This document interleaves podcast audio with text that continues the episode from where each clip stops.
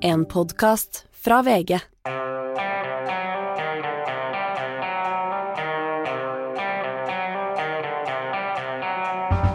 Ikke visste jeg at alle dagene som kom og gikk, de var uke 25, og ikke visste jeg da jeg våkna i morges at dette skulle skje. Jeg beklager på det aller sterkeste. Jeg har brutt habilitetsreglene. Jeg er svært lei meg for det her.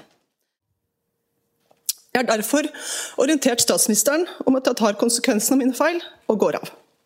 Ok, dette ante vi ikke i går eller i dag morges engang, eh, Hanne. Du var på møter helt andre steder, og vi satt i eh, leder- og kommentaravdelingen og lurte på hva vi skulle ha på lederplass. Eh, men så løste det seg for oss. Ja, jeg satt i ledersamling, ledergruppa i VG, og plutselig så sier min sjef Kari Steiro oi, nå må vi ha en par minutters pause her, for en statsråd har gått av. Ja. Og da tok alle frem mobilene sine, og så tok de en liten pause. Og så dro jeg og jobba her. Sånt er jo stor dramatikk i, i eh, ikke minst den politiske journalistikken. Og, og altså, Anette Trettebergstuen har gått av eh, som følge av eh, det hun selv er, har uttalt som grove brudd på habilitetsreglene. Og jeg tror kanskje det er ett spørsmål som eh, runger eh, kraftig i hele eh, nasjonen i dag. Jeg tror jeg har sett både hennes og Støres pressekonferanse og hørt alle forklaringer.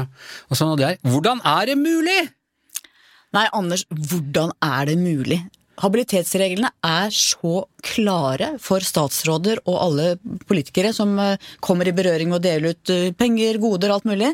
Hvis du er inhabil, så kan du ikke gi bort noe til noen av de du er inhabil i forhold til. Nei. Og så er det altså en, Den som har vært forbilledlig klar i dag, det er en som av og til beskyldes for å ikke være det, det er Jonas Gahr Støre, statsministeren. Eh, Og han syns jeg ga en veldig god uh, forklaring, fordi uh, Trettebergstuen sa jo selv på sin pressekonferanse at hun hadde trodd at det var greit at hun foreslo noen navn så lenge hun ikke uh, var med i, i saksbehandlingen. Eh, men han sier altså da at Og dette skal han ha kurset alle statsrådene i, det har vært begge seminar om dette. Hvis du er inhabil, så er eh, statssekretæren din inhabil, og alle dine politiske rådgivere inhabile, og da skal det inn en settestatsråd, en annen statsråd, øh, og vurdere det. Ja, og dette er faktisk elementært. Ja. Og Og- hvorfor er det sånn? Fordi vi skal være, ha tillit Dette handler om tilliten til hele vårt politiske system. Vi skal ha tillit til å vite og være trygge på at når, det, eh, når folk utnevnes til verv, når det bevilges penger, når det eh, deles ut eh, ulike goder eller ulike stillinger fra det offentlige på skattebetalernes penger og folk som skal operere på vår regning, så skal det skje fordi folk er kvalifiserte, ikke fordi de kjenner noen wining and dining, at det er bekjentskaper og vennskap som avgjør hvem som får viktige verv i Norge.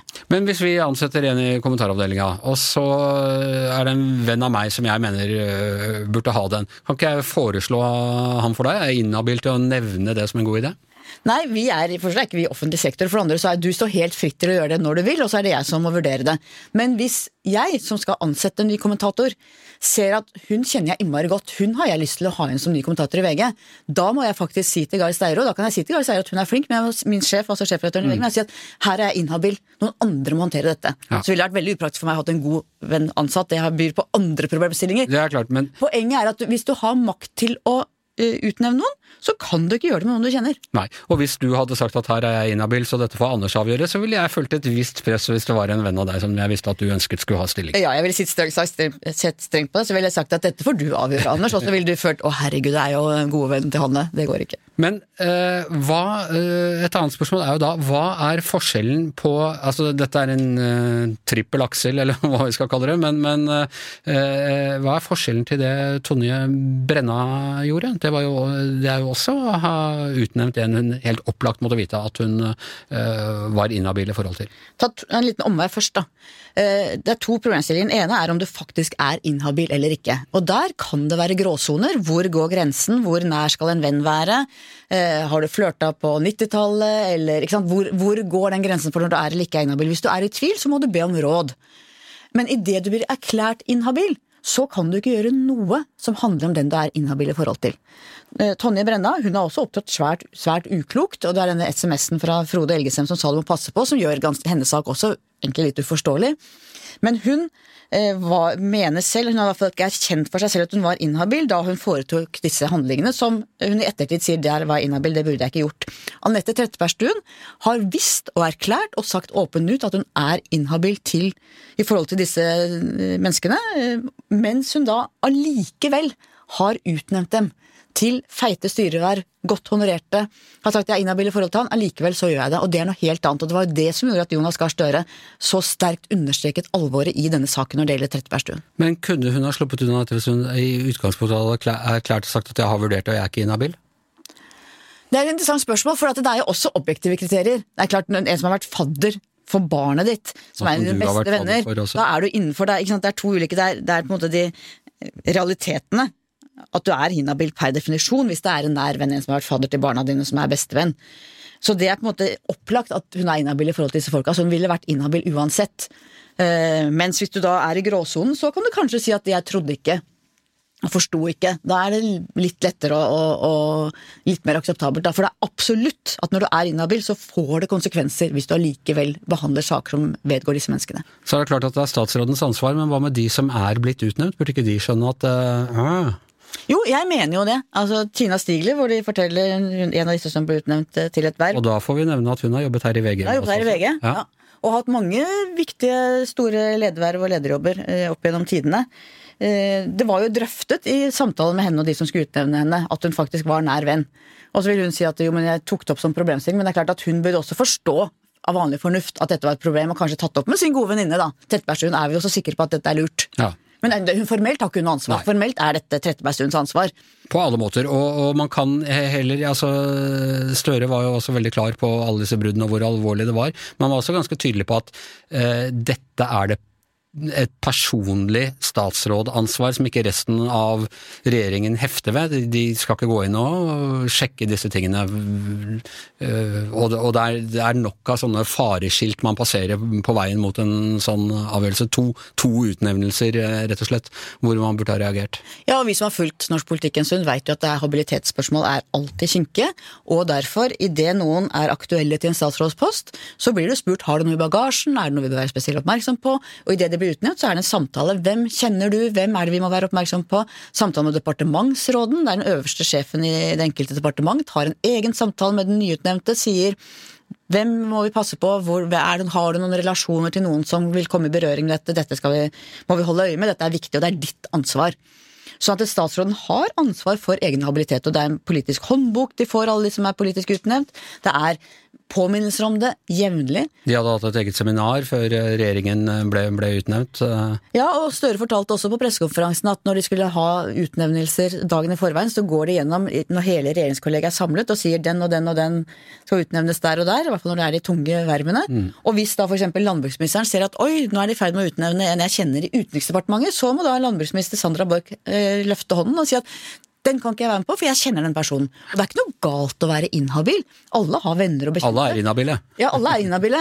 Ellers så er du verdens ensomste menneske. Ja. Men du må bare ta konsekvensene og dermed erklære deg inhabil, og ikke inngå i saksbehandlingen av saker som angår folk du har en slik relasjon til. Men du, altså det kommer jo nå til å bli uh, Først var det Tonje Brenna, så kommer denne saken her, eksploderer. Det kommer til å bli uh, De skal være glad det er sommerferie og mange journalister på vei ut i ferie, for det kommer til å bli en voldsom gjennomgang her. Men det var ett spørsmål. altså På, på pressekonferansen til Trettebergstuen, så sier hun at hun forsto ikke dette med å foreslå at, at det var feil. Uh, og altså, Hun gikk langt på vei å si at dette hadde vært vanlig i praksis i departementet tidligere. og Det var uh, bare berømme Ida Gjellerud fra P4 som hadde ordet som femte eller sjette person, som var den eneste som grep tak i dette på uh, pressekonferansen til Støre. Vanlig praksis i, i Kulturdepartementet, det er enten er det feil at Trettebergstuen har sagt feil, eller så er, er det mye i kjømda. Ja, så, Hvis det er riktig, så er det mye kjent. Men jeg kan nesten ikke tro at det kan være riktig, for da har jo samtlige statsråder gjennom mange tiår vært på kurs om habilitetsregler, eh, vært på disse seminarene, lest politisk håndbok og allikevel godtatt den praksisen. Jeg syns det høres veldig rart ut, Anders, det må jeg si. Ja, eh, det gjør det. Eh, Jeg må også si at vi har sittet mye her, og gjennom hele min karriere som journalist har det vært veldig mye snakk om gutteklubben Grei. Jeg har også hørt deg bruke det begrepet, Hanne. Eh, Og nå lurer jeg på, først satt Magne og jeg prøvde å finne noe sånn Jenteklubben Hei eller noe sånt, men egentlig tror jeg kanskje vi kan si at gutteklubben Grei er død og begravet. Dette er maktmenneskene Grei som eh, ter seg her. Det følger altså åpenbart ikke kjønn. Kanskje dette er et resultat av likestillingen, Anders? Ja, ja men det kan, det, det kan det jo være. Altså når folk med makt eh, opptrer på en, eh, en spesiell måte. Ja, makta har seg, det er derfor vi alltid må passe på makta. Og når folk får makt og misbruker den og på en måte føler seg berettiget til goder andre ikke skal ha, da må varsellampene lyse. Eller bli sløv med å tenke gjennom hvordan, øh, hvordan forvalter jeg vakten min, som jo også altså Det trenger jo ikke å være øh, med ond hensikt, dette her. Nei, og vi skal ikke sette oss helt på vår høye hest. Det er klart at alle kan begå feil, eh, og alle kan bli litt fartsblinde. Men jeg vil si at den saken her er en av de grovere jeg har sett i min tid. Så må jeg ta opp det som er typisk sånn som vi alltid må snakke øh, om her. Jeg trakk fram Gjellerud fra P4, og så trekker fram Hanne Skartvedt fra VG, som stilte som spørsmål nummer to. Eh, Det, jeg må si nest beste spørsmålet på hele pressekonferansen. Hvor forbanna cirka blei du da du fikk dette i fanget? Og hele sommerpresskonferansen din gikk vasken. Nei, vet du hva, Hanne, jeg er ikke sånn egentlig. Og så kan jeg se frem til at jeg får en stund helt for meg selv i naturen. Eh, Og da, eh, deler, jeg, da deler jeg eh, høyt og tydelig. Jeg skal, jeg skal gå med kona mi til Kikkut i dag og feire sankthans. Hvis jeg hører noe brøling i skogen, så vet jeg hva det er. Men det er jo, må jo være så fortærende for Jonas Gahr Støre! Altså, det gjentar seg nesten hver gang et eller annet. Altså, nå skal han ha sommerpressekonferanse og dele ut jordbær og snakke i de store linjer og alle sånne ting som han er god til. Og så får han dette her i, i fanget på morgenen. Vi hadde en slags antydning om det han skulle egentlig vært i Politisk kvarter eh, og måtte sende næringsministeren i morges. Hm, hva er dette her for noe? Og så er det altså dette. Det er jo, er jo helt grusomt. Ja, og derfor så tror jeg ikke helt når han sier at han ikke ble forbanna. Klart Jo, han bare klarer å holde det inne, så skal Han holde inn, så skal han ut i skogen, ja, og det er litt bra hvis han da går og hyler ut, for det er ikke sunt for noe menneske å svelge sinne over lang tid. Nei. Nei, det er det ikke, så det er han, det er vel, vel rundt, og hvis det roper i skogen, så vet vi hva det er. Helt til slutt, eh, hvem eh, kommer til å overta kulturministerstillingen? Det er en eh, spennende stilling i, i regjeringen. Jeg tror i hvert fall det er veldig mange som har lyst, og veldig mange i Arbeiderpartiet som går nå med mobiltelefonen ikke på lydløs. Noen spurte hva med Hadia Tajik inn nå, det er sikkert mange som håper på Eller det. Trond Giske, han hadde, de har begge vært kulturministre. De har begge vært kulturministre. Nei, det hadde vært kanskje del i jobben. Ja, det har Not. det vært gjort før. Nei. En for kultur en for kirke, eller en for idrett, eller et eller annet sånt. ting. Nei, eh, nå, men når får vi vite det, tror du? Nei, det er jo onsdag skal de ha ekstraordinært statsråd hvor, hun, hvor Trettebergstuen får avskjed i nåde, som det heter. Og nå starter vel konkurransen alle redaksjonene imellom. Hvem er det som klarer å finne ut først hvem som blir ny kulturminister i Norge? Ja. Og det er opplagt at det blir Arbeiderpartiet for den fordelingen mellom Senterpartiet Ja, ja. Og Med mindre man ønsker noen store endringer, men det tror jeg ikke. Ja, for da hadde han vel Ja, det er litt kort tid på Men det er teoretisk mulig, det òg, at du ommøblerer litt eh, hele regjeringen. Absolutt at dette fremskynder det som uh, uansett kanskje ville komme på et tidspunkt. ja, ja. Ok, eh, det blir spennende å se. I dag, eller egentlig ikke i dag, det er vel på søndag rent sånn kalendermessig, Hanne, men, eh, men det er altså 52 uker siden den eh, varme natta, eh, juninatta i fjor, hvor Norge ble utsatt for enda et terrorangrep. Ja. Vi våknet den morgenen og til forferdelige nyheter. Ja, ja, jeg var på en fest, så jeg plutselig bare begynte å kime i alle, ja, alle klokker og, og push-varsler og sånne ting, om at noen skjøt i, i Oslo sentrum. Og eh, saken jo, har jo ikke gått for noe rett, vi skal ikke, men det er lite Alt tyder på at dette kan klassifiseres som et eh, terrorangrep, og at det er en eh, ekstrem ideologi som ligger til grunn for eh, dette angrepet. Ja, dette er islamistisk terror mot skeive. Ja. Eh, Så får vi se akkurat når man finner ut eh, hvordan organiseringen av det, og, og, og hvor mye som, som har vært eh, eh, Hvor godt planlagt uh, det har vært. Men det er også det dukker opp, og det merket vi jo også etter 22. juli. Det kom et slags sånn rart backlash hvor det ble veldig om å gjøre etter 22. juli å kunne være kritisk til AUF. kritisk til, til ofrene. Uh, Eskil Pedersen, som var, eh, ja, var et av ofrene, selv om han ikke ble skadet, på, på Utøya, ble utsatt for eh, store mengder med, med hets. Og det ble en sånn eh, ja, vi har tapt ytringsfriheten hvis vi nå ikke kan, kan få liksom banke løs på, på AUF. Du oppdager også nå, altså det har vært en økt økte trusler, økt sjikane mot pride og pridearrangementer i, i året som gikk, etter terrorangrepet. Ja, og PST hadde jo denne uken en pressekonferanse hvor de opplyste om at det er, at det er trusler. Ja. Og det er, det er vanskelig å forstå rasjonalet bak det. Ja, mekanismene, liksom. Ja, Men det er jo helt er lov å si jævlig på Ja, ja, ja, ja. Kom igjen i denne sammenheng, helt klart. For det må jeg si når du snakker med skeive som er redde etter så mange års kamp i Norge for skeives rettigheter, og fått gjennomslag for veldig mye, og, og tenker at det er omtrent der det skal være, og så skjer dette, og så må folk igjen være redde i gatene, igjen være redde for å holde hverandres hender. Mange er redd for å gå i paraden. Det ja. er ikke sånn det skal være.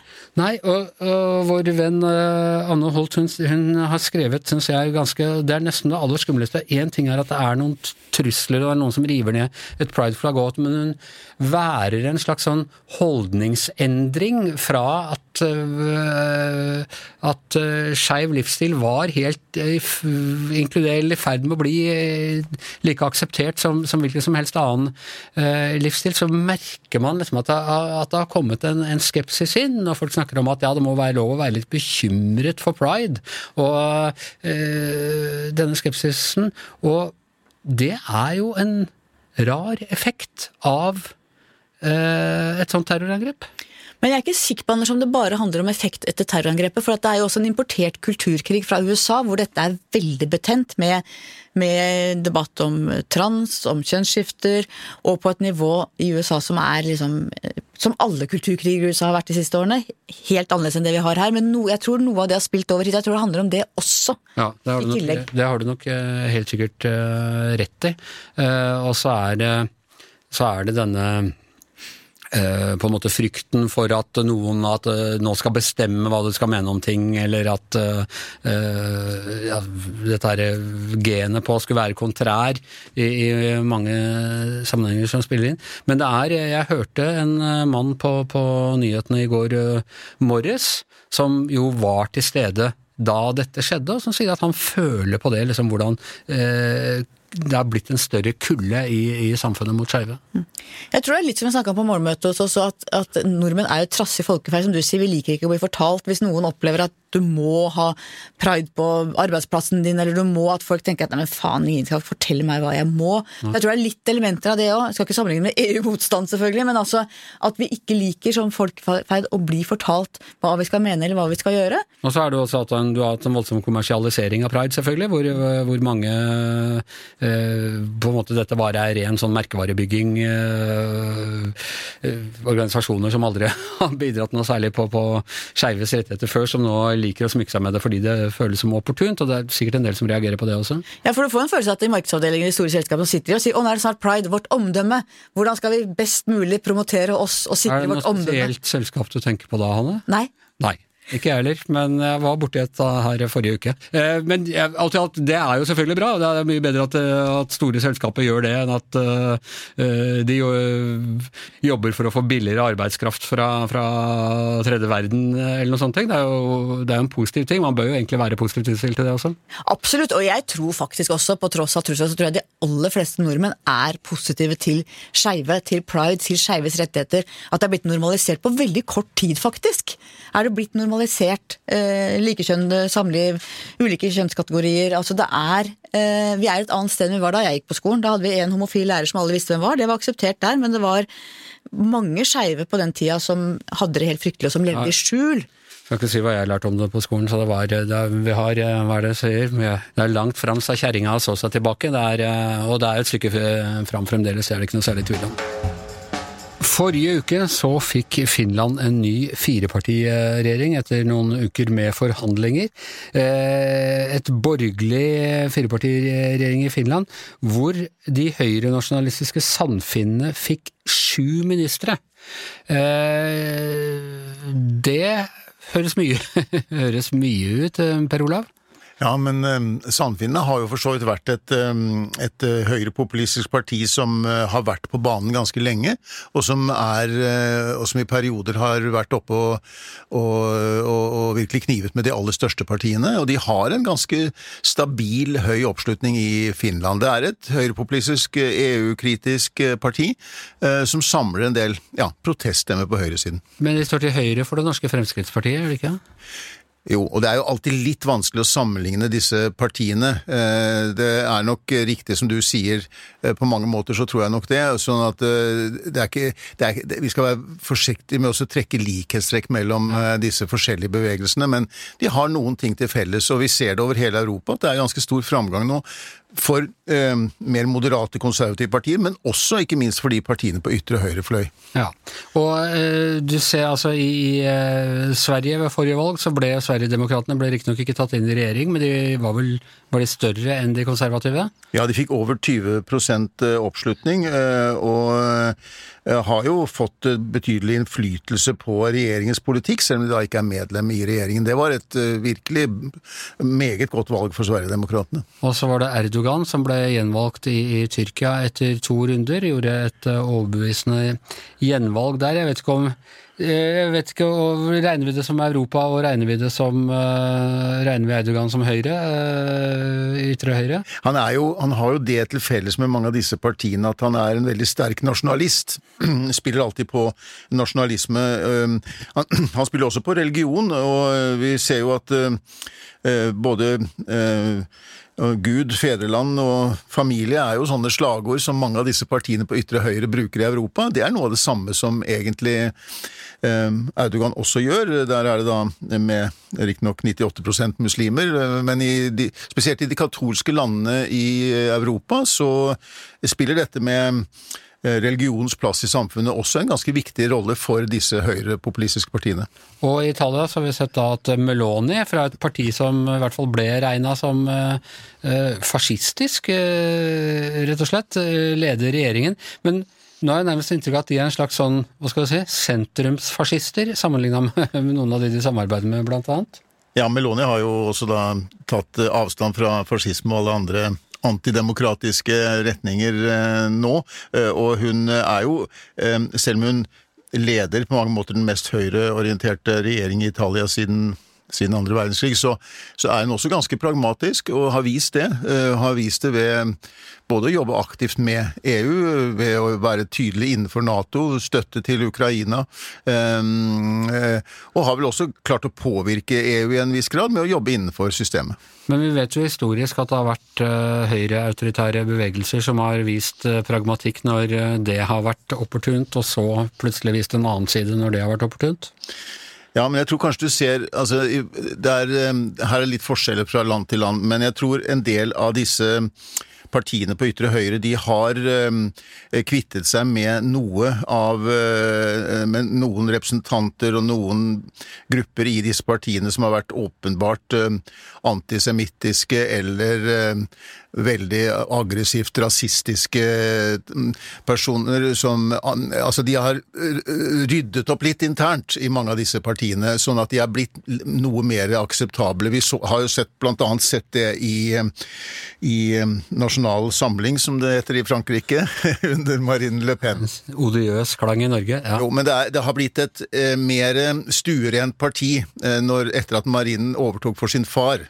Ja. Eh, som da eh, Eh, hadde en, det var en ny, tøffere linje den gang. Da. Ja.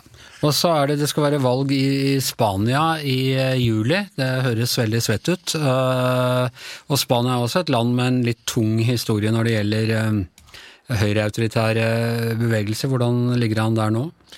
Ja, altså Generalismo Franco døde vel i 1975, og det var jo først etter den tid at demokratiet ble da innført, eller gjeninnført, i, i, i Spania. Og Spania har jo skydd unna liksom, det kan du si, mer ekstreme, høyreekstreme retninger siden den gang. Nå er eh, dette valget ble egentlig framskyndet, for det behøvde ikke å ha holdt, holdt noe valg før i desember, men eh, Pedro Sánchez, som er den sosialdemokratiske statsministeren i landet, opplevde at hans parti et dårlig, fikk et veldig dårlig resultat i lokalvalgene som var i mai, eh, samtidig som denne gamle venstrealliansen som han også har basert seg på, smuldret mer eller mindre opp. Og han fant ut at det var like greit å utlyse et nyvalg nå, og hans, hans forsøk på å påvirke velgerne går i retning av at hvis dere nå stemmer på det konservative folkepartiet, som det heter i Spania, så er det jo samme som å gi en stemme til ytre høyre, som er et parti som heter Vox.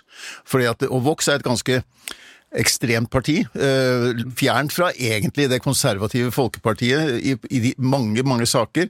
Men det er de som også har veldig stor vekst nå. Eh, er de frankoister, eller? De vil i hvert fall de vil, de vil, skrive om litt av den nære forhistorien. Og så er det jo De har veldig mange av disse de bærer mange av de samme tingene som andre eh, partier på ytre høyre i Europa. De er de vil ha en strengere abortlov, de er mot likekjønnet ekteskap, de vil ikke tillate kjønnsskifteoperasjoner i det offentlige helsevesen. De er, de, de, I Spania vil de få opphevet en lov om partnervold fordi menn diskriminerer for, mot menn, blant annet. Eh, de eh, er klimaskeptikere og antiglobalisering. Og endog så leste jeg at de vil eh, bygge en uh, mur rundt disse spanske enklavene i Nord-Afrika, og så vil de få Eh, altså at da Marokko skal betale regningen. Og Hvis det lyder kjent, så er det ikke tilfeldig. nei, nei. Så kan man jo selvfølgelig også skjønne altså det er jo disse landene som virkelig tar presset av flyktninger eh, i, i middelhavsregionen, og, at det kan skape mer grobunn for den type partier enn de gjør her oppe i nord, er kanskje ikke så rart? Nei, og jeg tror nok akkurat den Eh, de er ganske langt ute på den, på den innvandringsfiendtlige siden. De går, er langt tøffere i innvandringspolitikken enn det konservative eh, partiet som de kanskje skal samarbeide med, er. Men, men, det er ikke tvil om at det allikevel bidrar til å gi de større oppslutning. Det også, også er tilhengere av at eh, man skal ha en sterk sentralstat, og man skal motarbeide disse separatistbevegelsene som du ser i Baskeland og i Catalonia. Ja. Men jeg vil også nevne, Anders, at når vi snakker Spania er viktig nå, for den, kan bli litt som Italia, at får den mest høyreorienterte regjering siden demokrati blir innført. Men i land som Frankrike, hvor altså Marine Le Pen nå øh, ville slått uh, Emmanuel Macron hvis det hadde vært presidentvalg i dag, ifølge meningsmålingene. Ja. Og i Tyskland, hvor altså Alternativ for Tyskland, som er da et høyreradikalt høyere radikalt parti, har like stor oppslutning som statsminister eh, Olaf Scholzes sosialdemokratiske parti. Det, så det skjer noe på en bred front. Ja, og altså For ti år siden så hadde vi hyperventilert veldig over dette her. Det var litt sånn uff, ja nå ser vi en viss fremgang for fascismen i Europa. liksom, har vi vent oss til det, eller har fascistene moderert seg? Hva er eh Eh, vi har hatt bølger hvor denne type partier har gått veldig kraftig fram tidligere, og så har de blitt slått tilbake eh, i valg. Eh, har, dette har gått i bølgedaler. Så har vi også sett, jeg tror den siste delen av det du sa er også riktig, at de har moderert seg. Jeg tror det blir ikke like meningsfullt å bruke gamle begreper om de lenger, men vi ser at de representerer Det viser seg gjerne på dette med innvandring, og så viser det seg på dette synet på feminisme. Der er det veld, og, og, også familieverdi. Den type, det, det er sånne nøkkel... Antitrans ja. og Ja, alle ting sånn som dette. Det, det, kommer i nye former.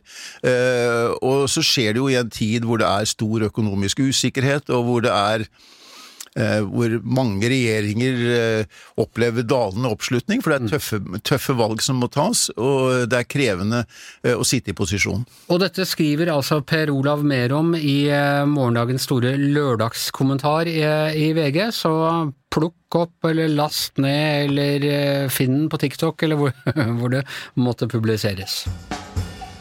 På tirsdag denne uken så lang regjeringen fram sin distriktsmelding, og i den så fastslo de at målet er at folketallet skal øke i distriktskommunene. Alle lokalsamfunn skal utvikle seg og skape verdier, sier kommunal- og distriktsminister Sigbjørn eh, eh. Og eh, jeg vet ikke, Astrid. Øh, betyr det at det skal fylles opp med innvandrere, eller skal man minke, uh, skal man minke innbyggertallet i byene? Har du, har du fått tak i det? Nei, jeg tror det er innvandring som har holdt folketallet i, Det går jo ned da, i distriktene, men det jo, hadde jo vært for innvandringa, så, så, har det vært enda verre. Og nå har vi fått en del ukrainere. men det er ingenting som tyder på at det målet som regjeringa, Kommunaldepartementet, har satt seg er realistisk. Det skal altså da gå opp i de minst sentrale kommunene, det er tre kategorier. Eh, eh, av de minst sentrale, der skal det gå opp, men det, der går det jo rett ned. og, Hovedårsaken er eh, lave fødselstall, som, som det er for så vidt i hele Norge. da. Eh, og at eh, befolkninga blir bare eldre og eldre i distriktene. Så det her tror jeg er litt sånn som klimamålene til regjeringa.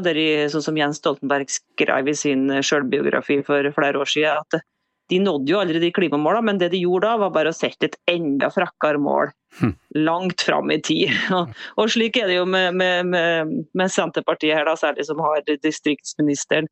Eh, de jo, skulle jo vært peak distriktspolitikk nå, med all den oppslutninga de fikk og all den politiske bakta de har, men eh, det går altså ikke sånn den veien de ønsker seg.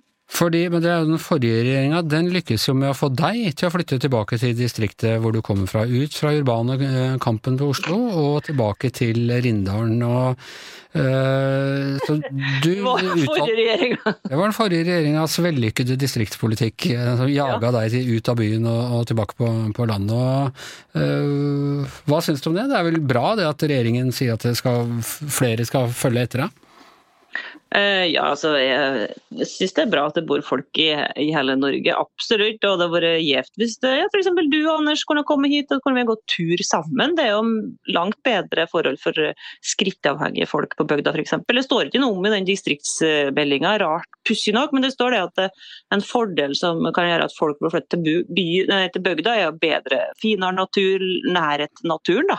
Så kanskje, kanskje det kan løse saken. men Um, nå flytta jeg ikke på bygda pga. Erna Solberg alt. Nei, men, eh, men, covid spilte kanskje litt inn? ja, ja, det var, det var den der eh, laboratoriet eh, tabben i Kina som gjør at jeg flyttet på bygda. ok, men, men, eh, i hvert fall, du, du burde, burde, kunne ha hva det Aftenposten i sin tid kalte solid bakgrunn for egne meninger. Og, uh, hva tenker du, uh, altså skal man bare gi opp, eller er det ting myndighetene kan gjøre? Fordi vi er alle interessert i at det bor folk mest mulig spredd i Norge? Ja, og så har jo ikke Norge gitt opp på noe som helst måte. Da. Jeg tror at vi har den mest rause eller den mest omfattende eh, distriktspolitikken i, sikkert i hele verden. Vi har hatt eh, masse tiltak i mange mange år, og vi har det enda, og de er nok med på å gjøre, gjøre det litt bedre, da, sånn at eh, det blir litt lettere å bo på bygda.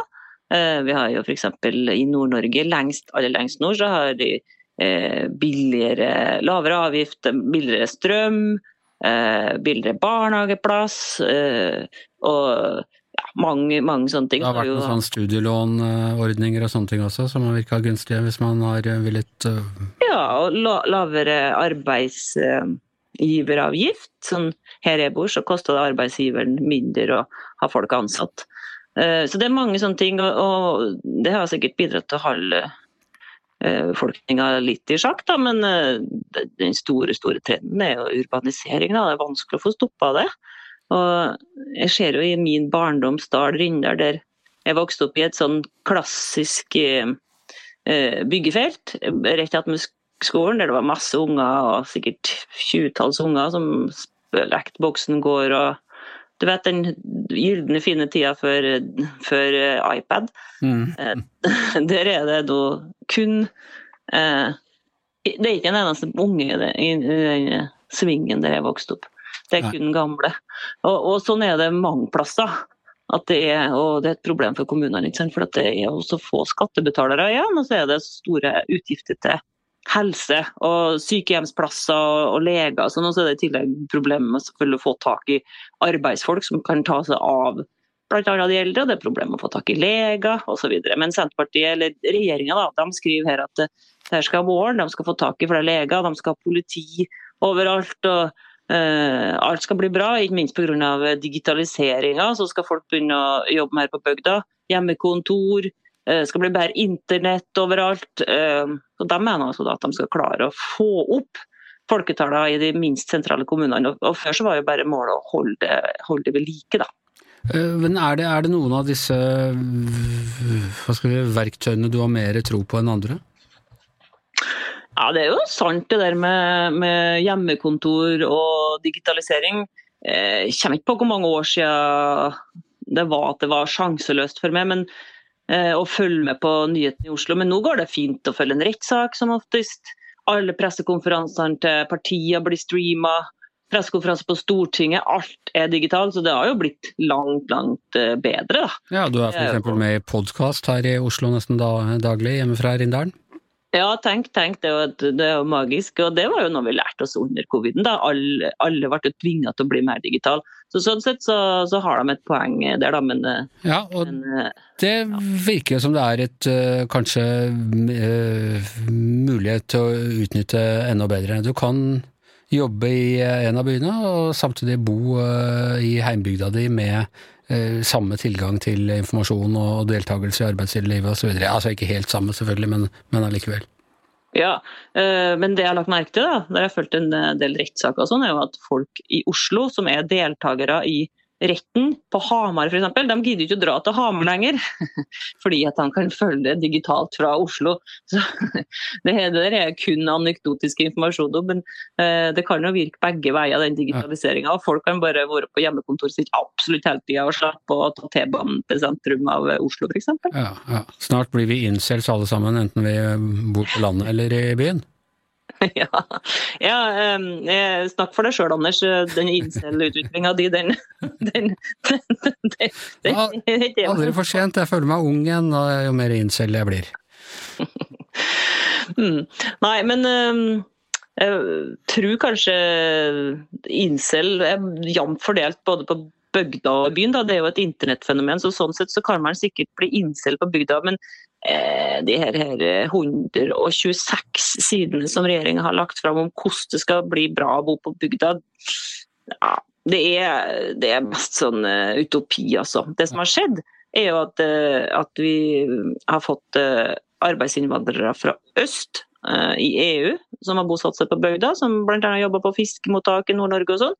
Og de har til dels blitt i større grad enn flyktninger. Og det som har skjedd nå i det siste, er jo at vi har fått mange ukrainere òg på bygda her på Nordmøre. Og så får vi se hvordan det går med dem, om de blir, blir, blir værende på bygda eller om de har flytta til byen. Det, det, er litt tidlig å si, men det er, det er flyktninger og innvandrere som holder folketallet opp i Bygde-Norge. Ja, og da har vi kommet til det øyeblikket hvor jeg pleier å spørre Hanne om hvem som er uh, gjest i podkasten hennes, og hva hun skal skrive om til Lørdagsavisa, men uh, feriemodus har sagt så godt inn at du ikke har gjest, og ikke skal du skrive til Lørdagsavisa. Nei, for min siste dag på jobb skal jeg på ledersamling i VGs ledergruppe hele dagen. Å, jippi! Mens sola skinner ute. Ja. Så da blir det ikke noen lørdagskommentar fra meg, og sesongen med podkast er over. Hva skal du gjøre i ferien da? da? Jeg skal på hytta på Nesodden, og jeg Ja. gleder meg som et barn. Og du har eh, pusset opp og holdt på med den hytta ganske lenge nå, og nå er den ferdig, er det ikke Nå sånn? er den ferdig, og jeg, har, eh, jeg tror jeg plaga dere andre mye med at jeg av og til har vist litt bilder eller fortalt nå er det kommet- bare hyggelig, det er bare hyggelig. Men det har gitt meg sånn glede å pusse opp den gamle hytta som var skikkelig gammelt røkkel. Den er ikke Og som du har vokst opp på. Nei, jeg kjøpte den i 2001. Ok. Men den er liten, det er 56 kvadrat. eh, Ikke stor, men eh, den er blitt så fin. Men du har nesten vokst opp på den hvis det er over 20 år siden du Ja, kjøpte ja ja, det er sant. Nesten vokst opp. Barna mine har vokst opp der. Barna dine har vokst opp der. Og der skal du være i fem uker. Ja, Først tre uker ferie, og så to uker jobb, og så to uker ferie. Ja, ja. Så ikke noe, du skal ikke bruke den svake norske krona i- mot eh, sterk europeisk eller amerikansk valuta i år? Nei, jeg kan ikke tenke meg noe bedre sted enn å være på Nesodden. Liksom. Nei, ok, da ønsker jeg bare deg god ferie, og takker deg for hele dette halvåret. Takk også til Per Olav Ødegaard, til Astrid Mæland. Jeg heter Anders Giæver, og mannen som også drar i ferie denne uka, hvordan skal vi klare oss, er vår produsent Magne Antonsen. Du har hørt en podkast fra VG. Ansvarlig redaktør, Gard Steiro.